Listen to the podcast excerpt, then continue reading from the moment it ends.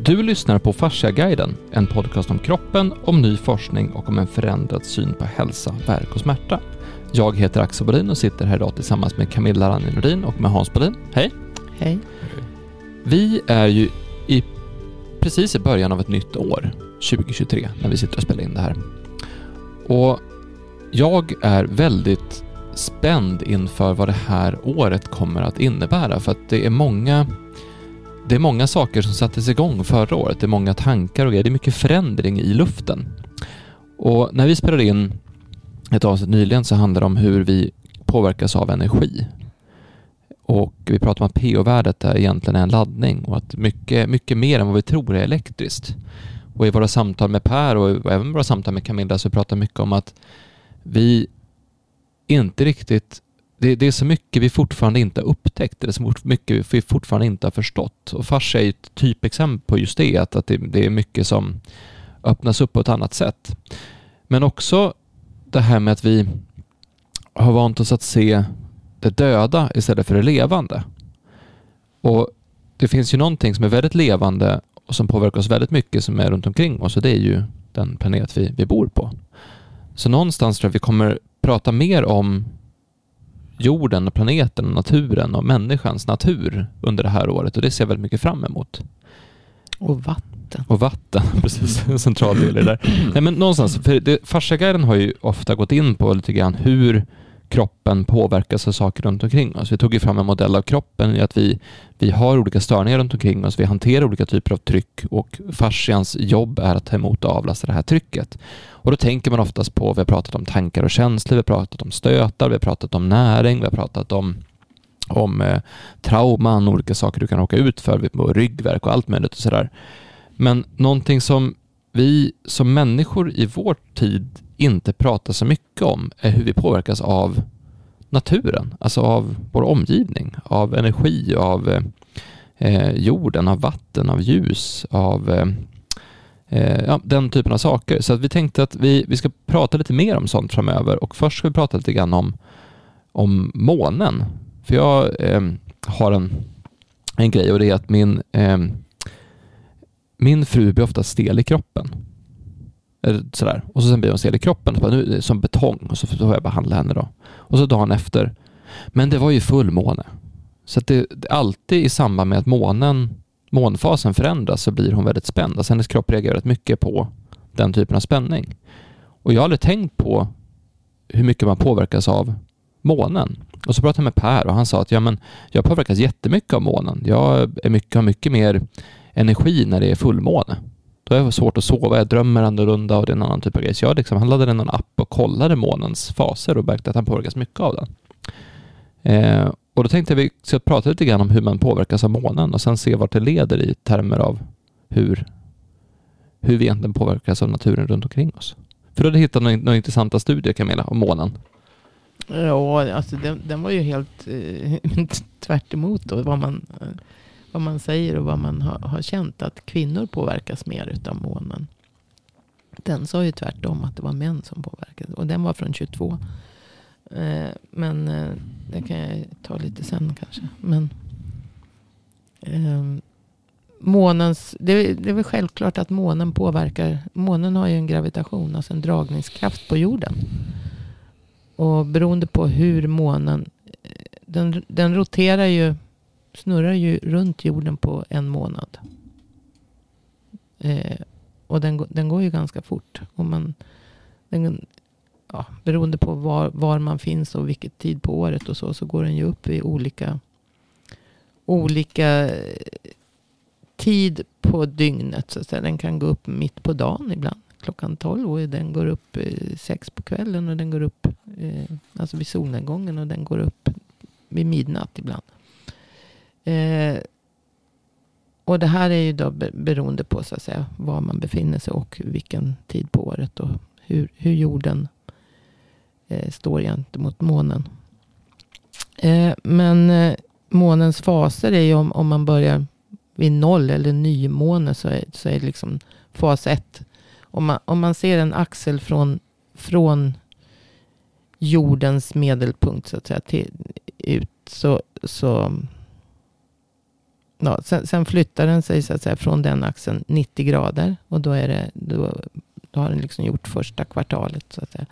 Och, sen, eh, och det är sju dagar. Och sen sju dagar till så är det, då är det fullmåne. Typ 14 dagar så är det fullmåne. Och sen ytterligare sju dagar så har den gått 270 grader.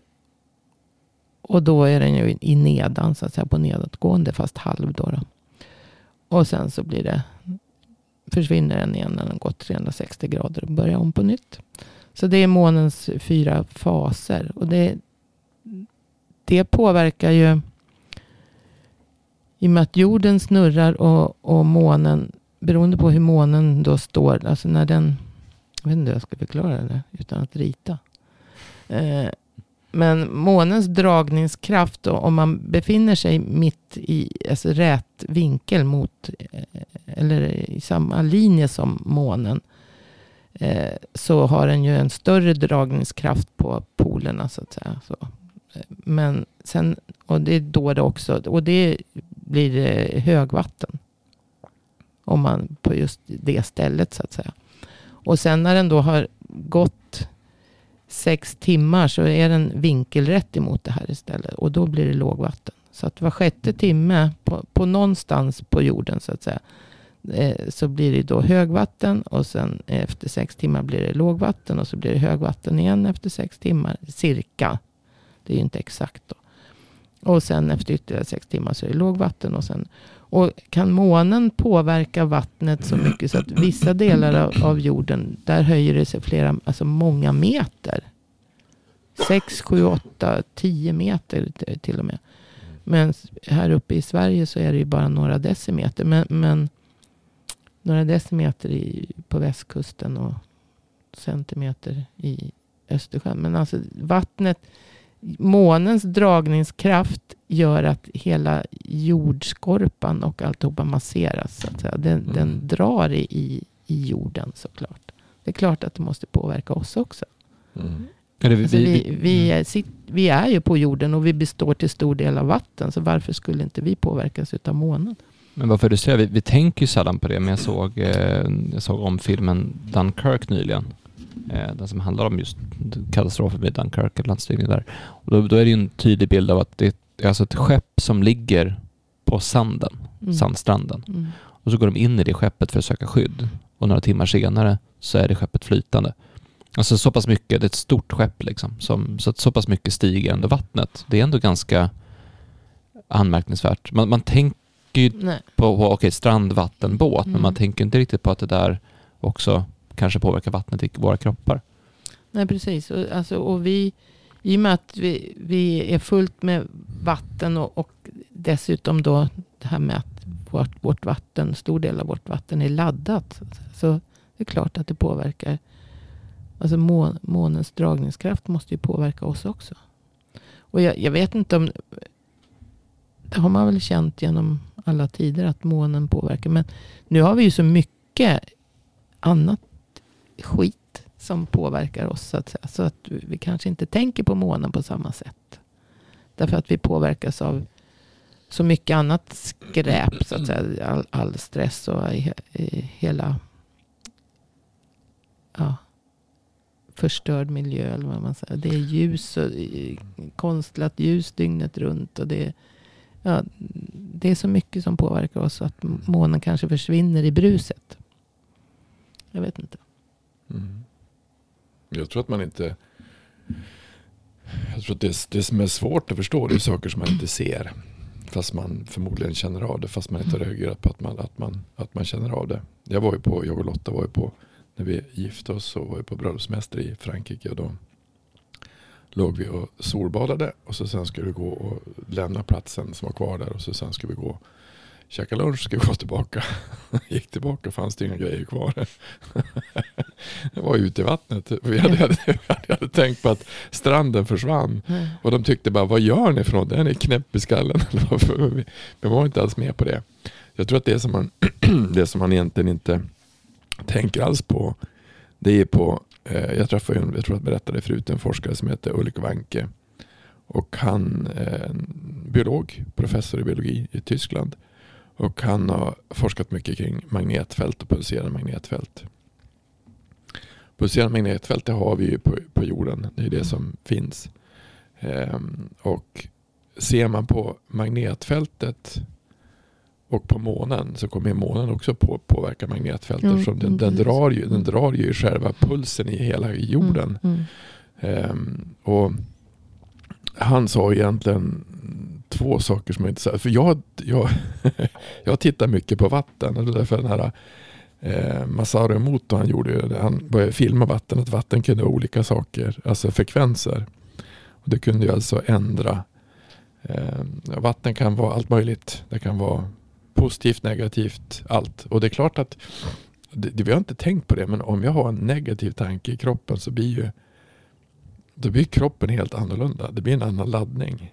Och, och det där är ju egentligen eh, Sluta tjura nu, säger man till någon barn. Sluta Mm. tjura nu. mm, Kom hit nu, var glad nu. Ja, Jag ska vara ledsen. Och det ser vi och det, det, det ser vi på folk när de är ledsna, när de är tjuriga, när de gör saker och ting, när de är negativa. Då är de ju, då är de ju säkert laddade på ett sånt sätt. Han kom in som ett åskväder eller han var jätteirriterad och så. Och, men vi har aldrig tänkt på att Han spred dålig energi. Ja, exakt. Vi har aldrig Mm. tänkt på att det är faktiskt en laddning som är i vår kropp. Och den som får ta emot den laddningen det är ju vattnet i kroppen. På samma sätt som att, att det han menar då om man tittar på jordens magnetfält och månen. Det är klart att vi påverkas inte bara av gravitationen som finns utan månens, alltså jordens magnetfält påverkas ju också utav månen. mm. Och då får det som en annan, då blir det en annan dimension på det. Och det är klart att om jordens magnetfält dras ut och vi är i fullmåne. Det är klart att det måste hända någonting. Antingen blir vi höga eller så blir vi låga. Det beror ju förmodligen på hur man, vilken, vilken, vilken känslighet man har. Eh, ska jag tro. Men jag, men jag tror inte man tänker på det så mycket. På samma sätt som man tänker inte på man tänker inte heller på på, eh, jag tycker att man tänker inte heller på ljusets påverkan. Det var första gången jag åkte till Kanarieöarna var ja, kanske 90-talet någon gång. Eller jag tror det var 80, 89 tror jag. Och jag tycker det var helt fascinerande att komma ifrån vinter. Alltså som vi har här nu i januari. Och så sen så steg man ut och så var det sommar. Det var för mig en jättehäftig grej att vara med om. Alltså att det kan vara så. Och det är klart att det, det påverkar ju. Man, man, man blir gladare om det är ljust. Om det är solvarmt. Än om det, om det är kallt. Det är väl givet att det är. Nej, men det, det är intressant där, för vi, vi har ju verkligen... ehm, vår civilisation är väldigt frånkopplad från naturen. Det är som att vi har jackat ur den på ett Mm. ganska märkligt sätt på ett sätt. För om du tar... Det var också jag började prata med Per i morse och så pratade vi om, om, om det här då. Och eh, han har ju läst mycket ekologi och läst mycket om djur. Han är Mm. väldigt intresserad av de bitarna. Och han menar på att i princip alla levande varelser på planeten följer tre cykler. Mm. Dels årscykeln, alltså man, ett år. Eh, dygnsrytmen, Mm. att man har ett dygn. Men även måncykeln. Och det finns ju vissa arter som lever och dör med månens uppgång och eh, alltså nybildande. Vissa har ju bara en livscykel på några veckor och då lever de. Så att, och vissa, om du tar ett, ett djur som då bor i vatten och så sen blir det hög och lågvatten. Det är ju hela, hela hemmet förändras ju liksom. Det är som att man flyttar varannan vecka, alltså varje dag. Det blir en, en helt annan... ehm, man har också sett på alla, alla olika typer av ja, men, ehm, olika däggdjur, alltså hur man påverkas av just månen. Växter påverkas av det, Mm. alltså de här cyklerna. Men, men vi har som vi har som tänkt bort det här, eller vi har byggt bort vårt, vårt inte beroende på ett sätt, men också kopplingen med det. För om du tar samma sak med årstider. Alltså att det är ju bara nu som vi, de senaste åren, som vi jobbar som galningar på vintern, när det är mörkt. Mm. Och, och, och vilar och har semester på sommaren. Förr var det ju tvärtom. Att man jobbade mycket på sommaren och så sen så när det var ljust och så på vintern gjorde man inte så mycket alls. Och så industrialismen har bara gjort det. Alltså Ja. det är ju ganska länge. Ja men alltså det är, det är inte lä- länge i förhållande till människans Nej, nej, nej, eh, historia så. Men, men samma sak blir det ju att i tidigare tradition- traditioner, idétraditioner så var ju månen central.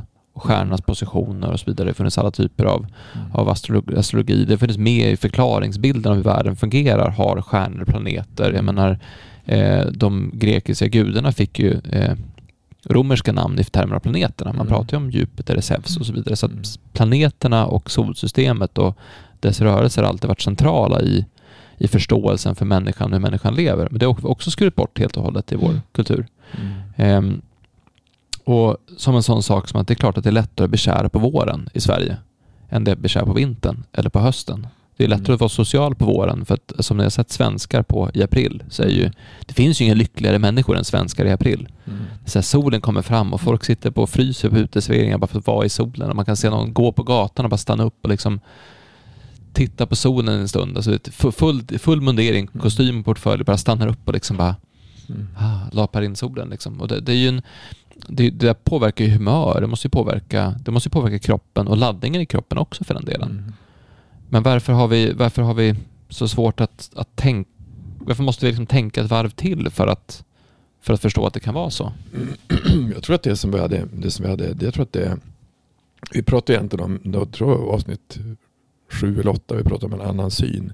Att gå bort ifrån det som man kallar för traditionell vetenskap och se på, fast egentligen inte, men prata om helhet. Om, om, vi, om vi förstår att vi är ett ekosystem, att vi är allting på en gång. Vi har ju mikroorganismer i kroppen, utanpå kroppen, i kroppen. Vi påverkas av mikroorganismer. Vi, vi behöver mikroorganismer.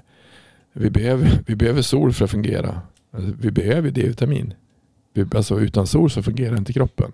Och, det, man, och det, det förstår man inte kanske förrän man, när man förstår hur viktigt det var som jag tittar på det här med, med, med fullspektrumljus. Alltså fullspektrumljus var aldrig intressant att titta på förrän 50-60-talet. Därför att när du fick atomubåtar, när du fick en motor som kunde gå hur länge som helst. Då kunde det vara under vatten hur länge som helst också. Och i, i kalla kriget så var det ju mycket att det var ju terrorbalans och det var ju, man pratade för terrorbalans och det var ju frågan hur länge man skulle vara under vatten med de här ubåtarna. Och, var man, och de, var ju, de var ju borta i ett par tre månader och de kom inte upp. Och får du inte se ljus på ett par tre månader då mår du inte så jävla bra kan jag säga. Och då började man titta på, så att det fanns, jag tror att kolla på hur många forskningsrapporter som helst om ljus. Och eh, det svåra, det, det är svårt att dra, det är svårt att dra slutsatser om det. Alltså, jag trodde först att man kunde göra en enkel sak som att, att eh, självmordsfrekvensen går upp om det är mörkt. Och så är det inte heller. Alltså, människor berör, berörs olika av ljus. Alltså, min fru vill alltid ha mörkt när vi ska lägga oss och sova. Eller hon, hon, hon, hon vill inte ha full rulle ljus på morgonen utan hon vill hon, så. Så vi är olika hur vi tycker om ljus. Men det man har gjort som de gjorde då det var att om du inte har det ljuset som vi har, fullspektrumljus 5400 Kelvin, då mår du inte bra. Och det som vi har inomhus är ett ljus som inte är 5400 Kelvin. Som är skadligt. Och, och det, det gjorde man därför att man gjorde med atomubåtar, de gjorde med att ska du upp i, på rymden, alltså utanför atmosfären, så det här ljuset som finns på jorden, det finns bara på jorden. Det finns inte ovanför atmosfären. Och det, det tänker man inte heller på. Eh, och därför blir det ju, och jag tror att det är det som egentligen som vi inte förstår med som många har fått, jag tror att vi har fått kritik för den här vattnets fjärde fas. Det har Pollack fått kritik också för. Men det är inte, det, är- det, det är ungefär som att säga att, att fotosyntesen är konstig. Mm. Och det, alltså, alltså, grunden till livet på jorden är konstigt. Men det är ju det, det är fotosyntesen, alltså förmågan att växterna tar direkt energi från solen som gör att jorden finns. En sak som finns. Och det är klart att, som du säger, varför skulle man inte, varför skulle inte vi använda samma typ av energiomvandling? Eh, så därför det som är intressant med det, det är att det svåra egentligen när man pratar om sådana här större saker, det är att titta på vilken är våran koppling till jordens magnetfält? Vilken är våran koppling till solljuset som finns? Är det bra att gå ut och gå på vintern? Är det bra att gå ut och gå i, i, i naturen? Ja, och då kan man säga om myndigheter säger att man inte ska ut och gå, att man ska sitta inne, inne då måste man förstå hur tokigt det är. En sån uppmaning att inte vara nära varandra, att inte gå ut och gå, den är direkt skadlig mot, mot livet. Mm. Så att jag tror att det, det som är svåra egentligen är att vi har blivit väldigt fragmenterade i ett sätt att se på eh, livet och kroppen och ekosystemet. Därför blir en sån sak som månen, om vi pratar om månen nu, då kan det bli flummigt. Alltså, det blir väl lite, är det astrologer ni pratar om nu? Nej, Nej det är gravitation och magnetfält. Och då, Det finns ju studier på att, eh, att eh, mer brott begås under fullmåne. Alltså att polisen har mer att göra när det är fullmåne. Mm. Alltså det finns stora sammanställningar kring det. Sen finns det, eh, alltså, folk har dragit slutsatser av det här och de studierna har också kritiserats, så det är omdebatterat, men det finns ändå ett samband mellan fler brott och månens fas. Och att det är högre belastning på en akuten vid Ja. fullmåne. Och, men, och det är ju som sagt då som dragningskraften påverkar mest. Och även vid nymåne. Då. mm. Eh, men och sen ger ju månen ifrån sig polariserat ljus. Och det, det var, läste en, bara någon liten kort. En. Dyngbaggar har, har man sett att de eh, kan navigera. De trillar ju dyngkulor. Mm. De navigerar bäst just vid fullmåne. Då. Och de måste ha det här polariserade ljuset för att kunna navigera sina trillerpiller. Eller vad man Trillardynga. Viktor Schauberg, han som höll på med, med vatten på 30-talet. Han sa ju att ehm, det fanns ju mycket saker som var intressant. Men då, då forslar man ju timmer efter eh, floder. Och eh, timret bar mer vatten. Alltså det gick att forsla mer timmer när det var fullmåne. Mm. Så Det är att- högre vatten. det, hö- ja, det mer, ja, högre vatten. Mm. Och så sen är det mer, ja, det är mer kraft i det. Det dras ju. Mm. Ja, bara en sån sak som att om det är en riktigt stark fullmåne, då kan man ju faktiskt vara ute på natten. Mm. Alltså på den tiden vi inte hade ljus på samma sätt eh, med, med gatubelysningar och sånt. Så det måste ju ha... ehm, Och det är strålningen från jorden, från solen. ja. Som du ser.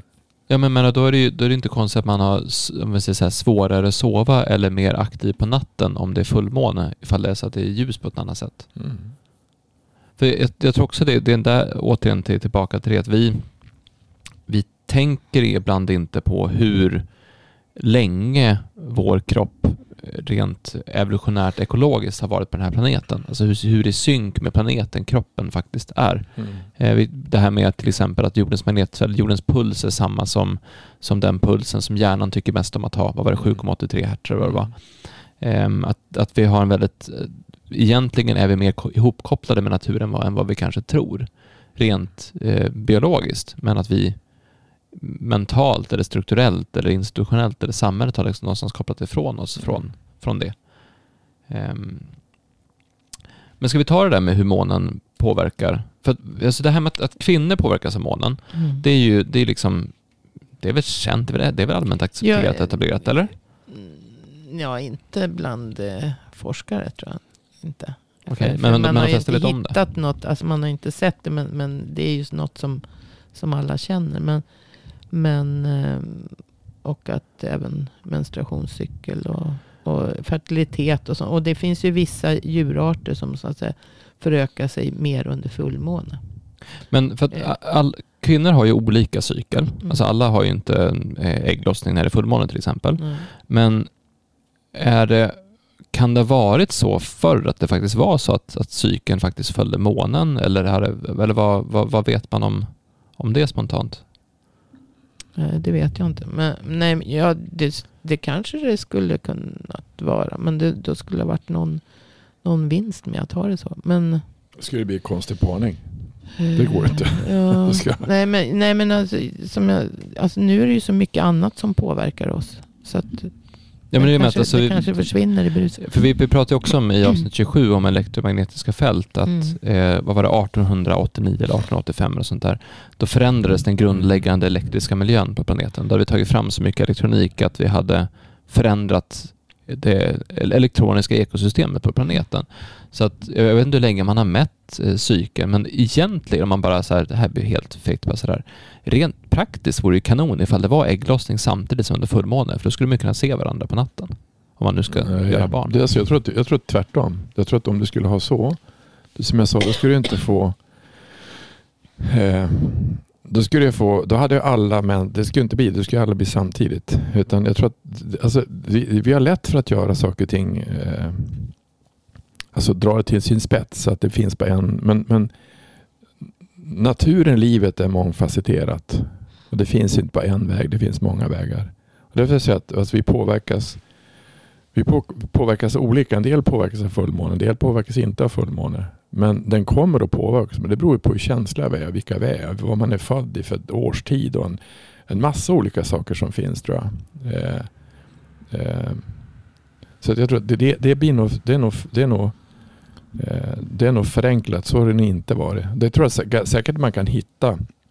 Alltså ifrån, eh, det fanns ju de som hade stora harem på alltså kejsare och kungar som hade då skulle det bli jättejobbigt för dem om alla kvinnor hade menstruation samtidigt. De skulle ju, vara, de skulle ju aldrig gå.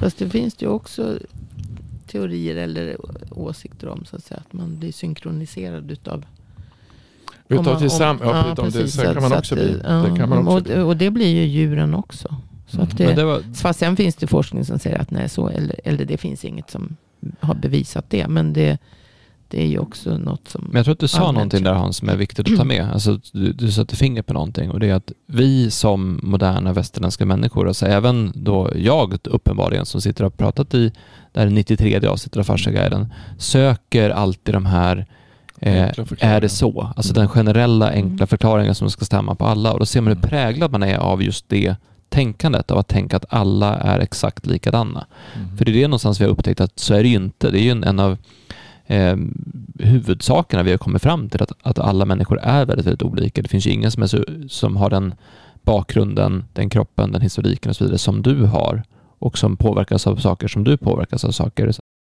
Du tänker att vi har att, att vi, livet i kroppen lever med oss. Alltså vi lever i, alltså, det är en jädra massa celler som lever samtidigt. Alltså miljarder celler.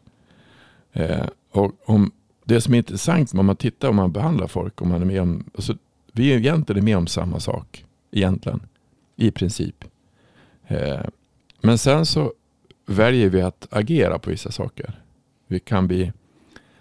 Eh, du kan... Alltså, vissa går, man, man blir berörd av någonting. Man fastnar i någonting. Och när man fastnar i någonting, om du säger om, om, om, om det tror jag har sagt förut, alltså jag brukar säga det ibland som kommer. När man har fastnat i någonting som är för negativt oftast är det för, för negativt. Då blir, då blir som livet less. Alltså, då blir, varför då? Alltså, om det föds celler hela tiden, det dör celler hela tiden, då finns liv och död finns inte i våra kroppar på egentligen. Eller hur? Om, om, vi skulle, om vi skulle sörja varje cell som dog, då skulle vi bli jätteledsna. Om vi skulle fira varje cell som föds, då skulle vi bli jättetokiga. Så att livet är ju en, vi går runt i någonting som är en oändlig varelse som föder och föder nya, skapar nya celler och skapar nya vävnader och skapar nya system hela tiden och underhåller det. Det som är tokiga det är ju att vi är med om nästan samma sak men det påverkas på olika sätt. Eh, och det är när vi fastnar i någonting, när det fastnar i fascian, när det fastnar i vårt system, när det fastnar i en upplevelse som är traumatisk, som gör att vi, vi, inte, vi, inte, vi, vi inte, vi, vi inte accepterar den. Det är då det blir konstigt. Därför blir det ju egentligen så att när man, man är med om större händelser som finns, då har man tittat på, alltså, eh, alltså, det finns ju ett sätt att mäta frekvenser på jorden, alltså det som händer. Jag vet inte hur man gör det seismologiskt, men då, alltså, stora event som finns, eh, 9-11 eller alltså saker, då blir det en peak. Alltså, vi, alltså, livet som vi lever påverkar även lever, livet som vi lever. Um, och, när man förstår det, att vi sitter ihop på ett annat sätt, om det är via månen, om det är dragningskraft, om det är magnetfältet. Men när vi, när vi blir rädda så, blir hela, alltså, så, så skapar det saker i, i vår omgivning. När vi är trygga så skapas det. Det har man gjort exempel på. Jag tror det var på, på 80-talet så hade man, det var ett par tusen stycken som satt och mediterade i New York och brottsligheten gick ner. Och då kan man tänka om, om, det är det vi, om det är det vi gör i våra egna kroppar som finns, då blir det ju, det blir nästan, då blir det ju nästan som en skräckfilm. Alltså, så att, jag sa det så att på fikarummet igår. Så att, att om, vi, om vi förstår Alltså, om vi, alltså det är inte, Ivar är inte ser på skräckfilm, inte jag heller, inte min fru heller. Alltså det är otäckt. Allvarligt. Man, man, man, mår, inga, man, mår, man mår inget bra. Men tänk om vilka skräck, skräckfilmer som vi sitter och läser om och som vi sitter och tar in. Och det är klart att det påverkar ju vårt vatten. Det påverkar vårt system. Givet att det gör. Och då blir, ju, då blir det ju på ett annat sätt när man ser på i det perspektivet. Men, men förstår man att kroppen är oändlig att vi är en dynamisk sak som lever. Eh, så det är klart att bara, det är klart att vi påverkar gravitation, att vi har magnetfält över på månen. Och ljuset. Och ljuset. Mm. Eh, sen är det ju på olika sätt. Alltså, men det är det som jag tror att, att ehm, det är det som jag tror att, att den här äh, totalisering av delperspektiv som, som, som Per brukar säga att, att alltså forskning på helhet kommer inte att bli lätt. Därför att forskning på helhet, alltså vi, vi kommer inte att, vi, vi, alltså jag tror första gången jag, vi hade en, en karl som är från USA, han hade, vi hade en sån här, eh, eh, han höll på, på med hur vi utav arvet vi kommer ifrån, alltså han var ju biolog, och då tittade han, det var intressant att titta i Sverige, för vi har ju sådana här kyrkböcker. Hur mycket man, alltså hur, hur, för då kan man läsa vad min vad farfar var och morfar var, vad de gjorde för någonting i kyrkböckerna via kyrkförhör. Då ska jag och min fru ha ett, vi skulle ha ett möte med han. Och så hade vi det. Och han satt och berättade om, fick jag berätta om min släkt och så tittade mig i ögonen och så berättade han vem jag var. Det var ganska otäckt och alltså, fascinerande hur mycket han kunde veta utan att veta någonting alls. Och så kom min fru in som jag tyckte jag kände och så, och så berättade han om henne. Jag tänkte, är jag gift med den här människan överhuvudtaget? Alltså hur, hur, man kan vara tillsammans med någon som har varit så länge och tänka så fruktansvärt olika och upplevas på olika. Och då förstår man ju hur dynamiska annorlunda vi är. Fast jag har levt med henne i 35 år snart. Och det är fortfarande intressant att se hur hon reagerar. Och då förstår man ju vad svårt det blir att att, att göra generella, slutsatser det, det, det när man är så nästan, olika. Det är nästan Mm. omöjligt. Det är nästan omöjligt. Och det är därför kan bli svårt, som du säger, med helhetsforskningen också. Därför att om jag nu, vi sitter här och ska prata om, om månen och så cykler och så hit och dit. Vi- fastnar där med, med kvinnokroppen och cyklerna och direkt så vill jag, rent instinktivt nästan, hitta en generell förklaring på hur saker hänger ihop som ska vara allmängiltig för hela alltihopa och sen säga att det varit... Och det, där, där har du att om jag då sitter och gör så, som har, en, en podd som är inriktad på helhet, tänk dig om du är forskare och har, har forskat på delperspektiv under ditt liv och så ska du börja forska på helhet. Man kommer ju söka delsvaren när man ska jobba med helhetsforskning. Alltså man, kommer in, man är så invand i det tankesättet att man kommer söka, söka inte fel typ av svar, men Mm. söka svar som, svar som fortsätter leda åt det hållet. Och det är det jag menar med, för, för då, en sak man, man kan göra då med, med, med de här cyklerna, alltså dagscykeln, måncykeln och årscykeln, det är ju att till exempel då ladda ner den här appen som visar månens cykel och så sen så antecknar man och skriver så här, hur, Hur- hur, mår jag? nu? Mm. Nu är det fullmåne, Mm. okej, känner, jag, känner jag mig annorlunda på något sätt? Okej, Mm. nu är det nymåne, hur känns det? Nu är månen på väg ner, nu är månen på väg upp, vad, vad händer? Och så följer man det här under tre, fyra månader och ser vad som händer och bara se vad, vad det här, vad, vad man kan lära sig om sig själv kring det. För det kan ju faktiskt vara så att du och jag reagerar helt olika på en fullmåne. Eh, för jag tänkte direkt på det här med dygnsrytm också, att, att vissa människor är ju mycket, mycket mer aktiva på förmiddagar Mm. och vissa är mycket, mycket bättre på eftermiddagar. Vissa jobbar bäst på kvällar eller Mm. nätter. Och det där är också någonting som är väldigt olika. Det finns ju begrepp som nattugglor till exempel. Mm. Och, och vissa, jag menar du tittar alltid på forskningsrapporter mellan eh, 22 och 02 liksom på natten. Är du Camilla? Ja, jag gjorde i alla fall. ja, men jag, jag har blivit tröttare på kvällarna nu, men det kanske är. Men, men, eh, nej, men jag, jag brukar vakna till sådär. Och där är ju, det är intressant att se hur man, hur man kan testa.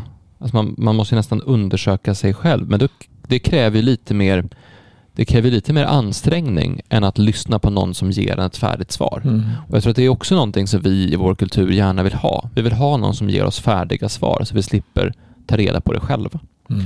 Ehm, med det sagt, ska vi prata om det här med, för det som är intressant ju, kvinnor och månen, det, det, har ju, det är ju känt sedan tidigare. Ja, det, så. Det.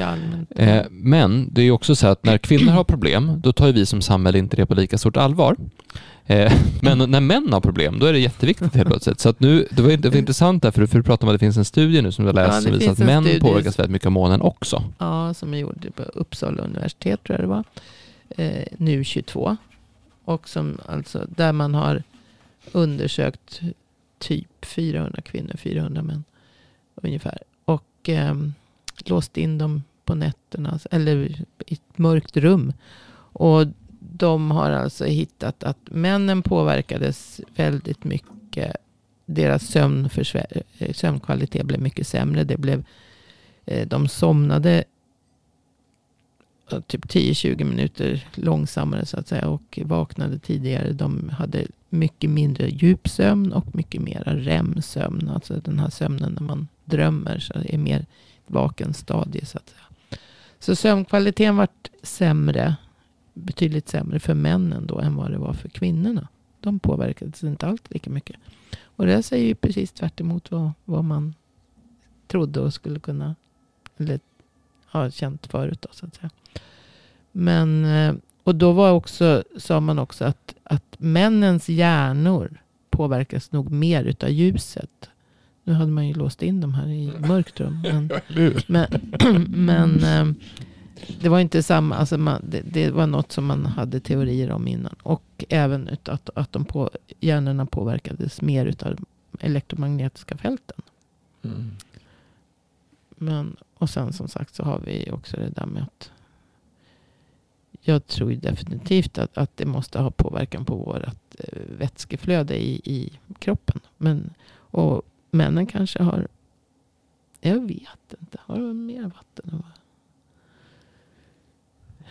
Ja. Eller men just det med att om, om man känner att kvinnor påverkar mest. Vi, vi har ju kanske en lösare, Men vi en lösare fascia och vi alltså pratade med om mera flöde. Ja, var blod, vi ja, blodmängden är ju större hos män. Ja, och då borde ju vattenmängden vara Ja, större också. ja jo precis. Jo men de, de har ju större kroppar ofta. Ja. Så, alltså det, ehm, ja. För det var intressant. Men jag tänkte mest på lösare fascia. Att, vi har, att kvinnor kanske har mer eh, lite mer grundsubstans och, och inte lika strikt eh, och tight kollagen 1 och så. Då, som Mm. män.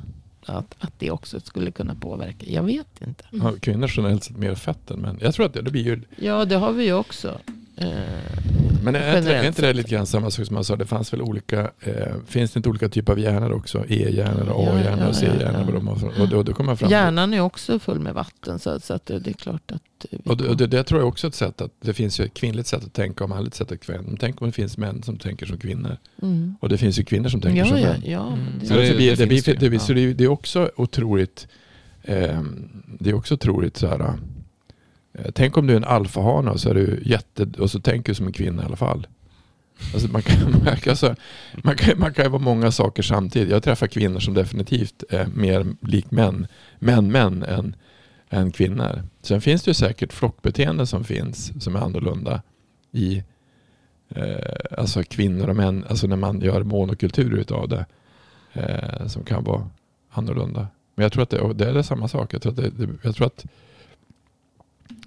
jag tror att, det, det, jag tror att, det, jag tror att det, det är egentligen den typen av forskning som man säger. Jag tror att man eh, jag tror att det är mer intressant som Per säger att, eller att all, alla djur påverkas utav cykler. ja. Men att, att, jag tror att det, det är mer intressant att säga, det är mer intressant att säga och vilka cykler påverkas jag utav? Inte dem, jag. Och vad jag mår jag bra utav? Så att som du säger, att skaffa en sån mån, månapp och kolla, påverkas jag av månen? Eh, när ska jag lägga mig och sova? Eh, ska jag äta innan jag lägger mig och sov? Eller ska jag inte göra det? Eh, vad ska jag göra för någonting för att sova bra?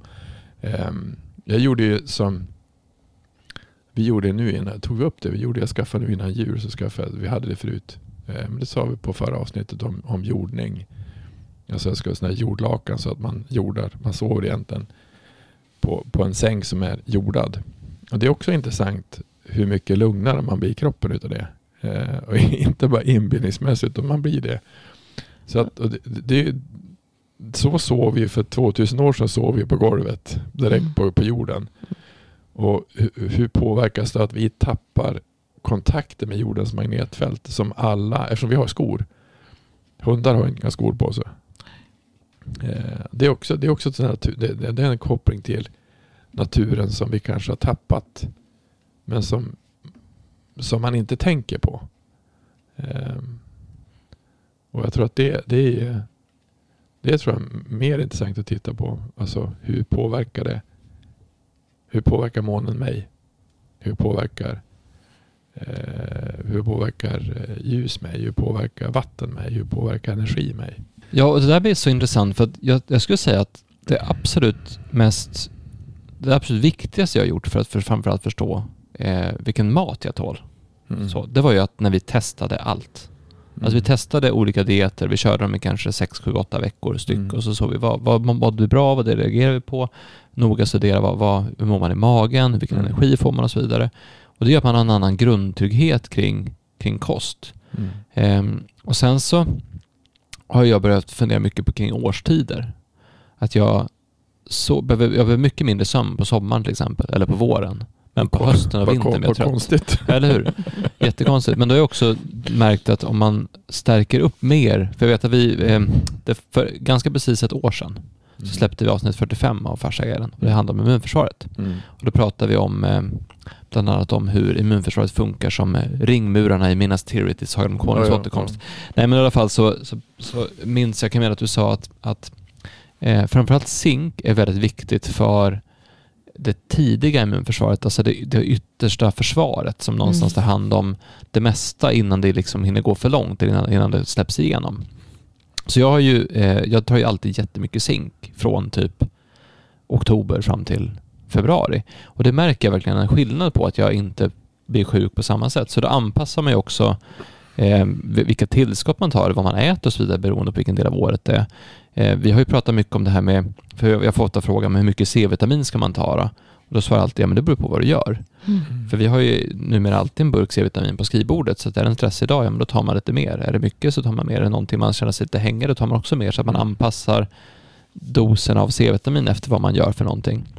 Eh, jag har märkt nu vad som händer när jag skruvar om eftermiddagspromenaden så att jag tar den tidigare för att fånga ljuset. För att är man ute och går tre gånger per dag, då är det kul att två av de promenaderna i alla fall är när det är ljust. Mm. Och jag tar morgonpromenad lite senare för det är ganska deppigt att sitta och äta frukost när klockan är åtta och så sitter man ute och bara det är mörkt. Så. Då är det bättre att gå ut lite senare så man får det ljuset. Mm. Och vilken skillnad det gör för energinivån att vara ute och gå i ljuset. Mm. Så att jag, jag har ju märkt att om jag testar och anpassar vad jag gör med min kropp och hur jag lever utifrån årstider och ljus, mår jag bättre. Men tänk om man skulle börja titta på månen på samma sätt. Mm. Och det är där jag menar att man kanske måste man kanske måste börja utforska lite mer. För att, som du sa Camilla, man har ju inte svar här. Nej, nej, nej. Eh, Nej, men- rent och, och sen, forskningsmässigt. och sen alltså ljuset och månen, fullmånen är ju otroligt stark. Mm. Alltså det är ju ett enormt mycket starkare sken än eh, de andra faserna så att säga. Den, den, eh, och det är klart att det påverkar oss också. Men jag, jag tänkte på det här med melatonin. Alltså hormonbalansen i kroppen överhuvudtaget. Men melatoninet är ju ett hormon, alltså sömnhormonet. Som, som eh, ökar när det blir mörkt. Mm. Så det är klart att då, då blir man ju sömnigare. Och vi behöver mycket ljus även för, för att liksom få bort melatoninet dagtid. Då, så att säga, så att vi, och sen ökar ju insulin och kortisol och de här hormonerna som ska så att säga, hålla oss pigga och eh, ge oss energi. De ökar ju dagtid när det är ljust. Mm. Och det är klart att eh, ligger man då... Det, alltså, hela, ljus, hela rummet blir ju ljust om man ligger i Mm. och har, inte har en rullgardin eller så i fullmåne. Men därför Så det är klart därför, det påverkar våra hormoner det också. Ja, och då, om du har det en sak med ljus då, om du, om du är ljuskänslig då, Mm. alltså du är väldigt känslig, jag vill ha mörkt när jag ska sova. Eller jag inte vill ha mörkt när jag ska sova.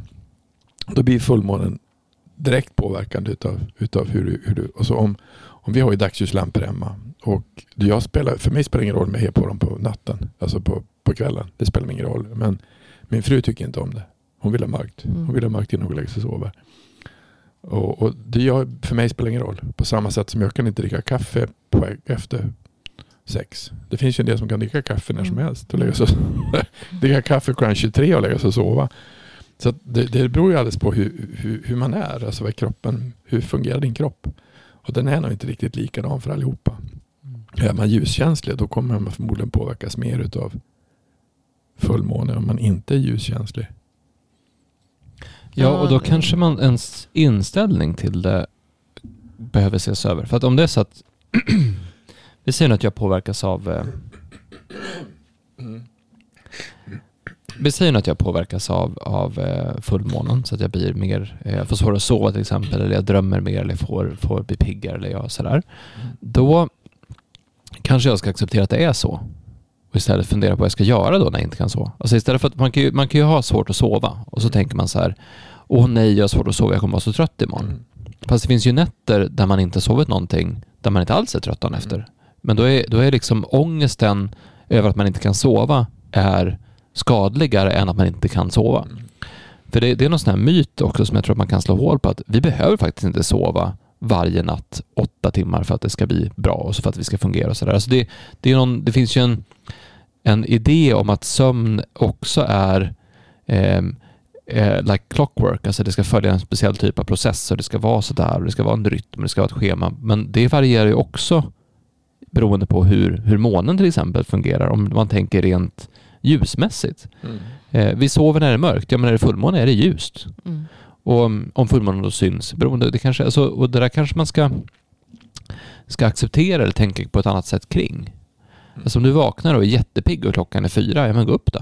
Mm. Eh, och där tror jag att vi, eh, jag i alla fall hade en sån bild tidigare av att, att det var jätteviktigt att man sov varenda natt. Men nu när man har haft eh, småbarn i ett år och eh, känt på det så vet man att man klarar sig jättebra på att sova fyra timmar också, ibland. Mm. Inte liksom varenda natt Nej. i tre månader, men, men eh, då och då. Mm.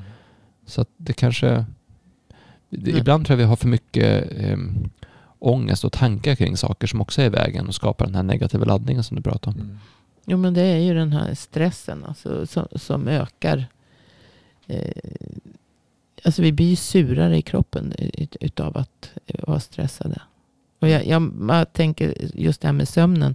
För när jag vissa nätter då när jag lägger mig väldigt sent och kanske bara sover fyra timmar. Alltså om jag sover en, går och lägger mig i lugn och ro och harmonisk och får sova kanske ja, sex, sju timmar i alla fall. Då kan jag nu för tiden då när jag har börjat basa kroppen med, med en, eh, natriumbikarbonat. Så får jag ju sova en hel natt utan att gå upp och kissa.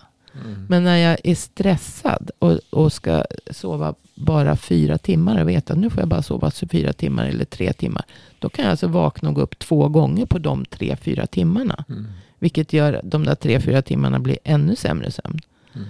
Men, och där funderar jag över, men nu så får jag ju sova så kort. Då borde jag inte alls behöva gå upp och kissa. Men då blir jag, och det är ju den här oxidativa stressen som sätter igång alltså alla eh, utrensningar. Så njurarna bara Mm. pytsar ut vätejoner tror jag. Mm. Och då, ofta då också så, så glömmer jag ju bort att ta det där bikarbonatet. Så det, det, men det, det är något jag bara reflekterat över. Med att man, så stress, stressen gör ju att man mm, fungerar sämre såklart. Stressen över att inte få sova.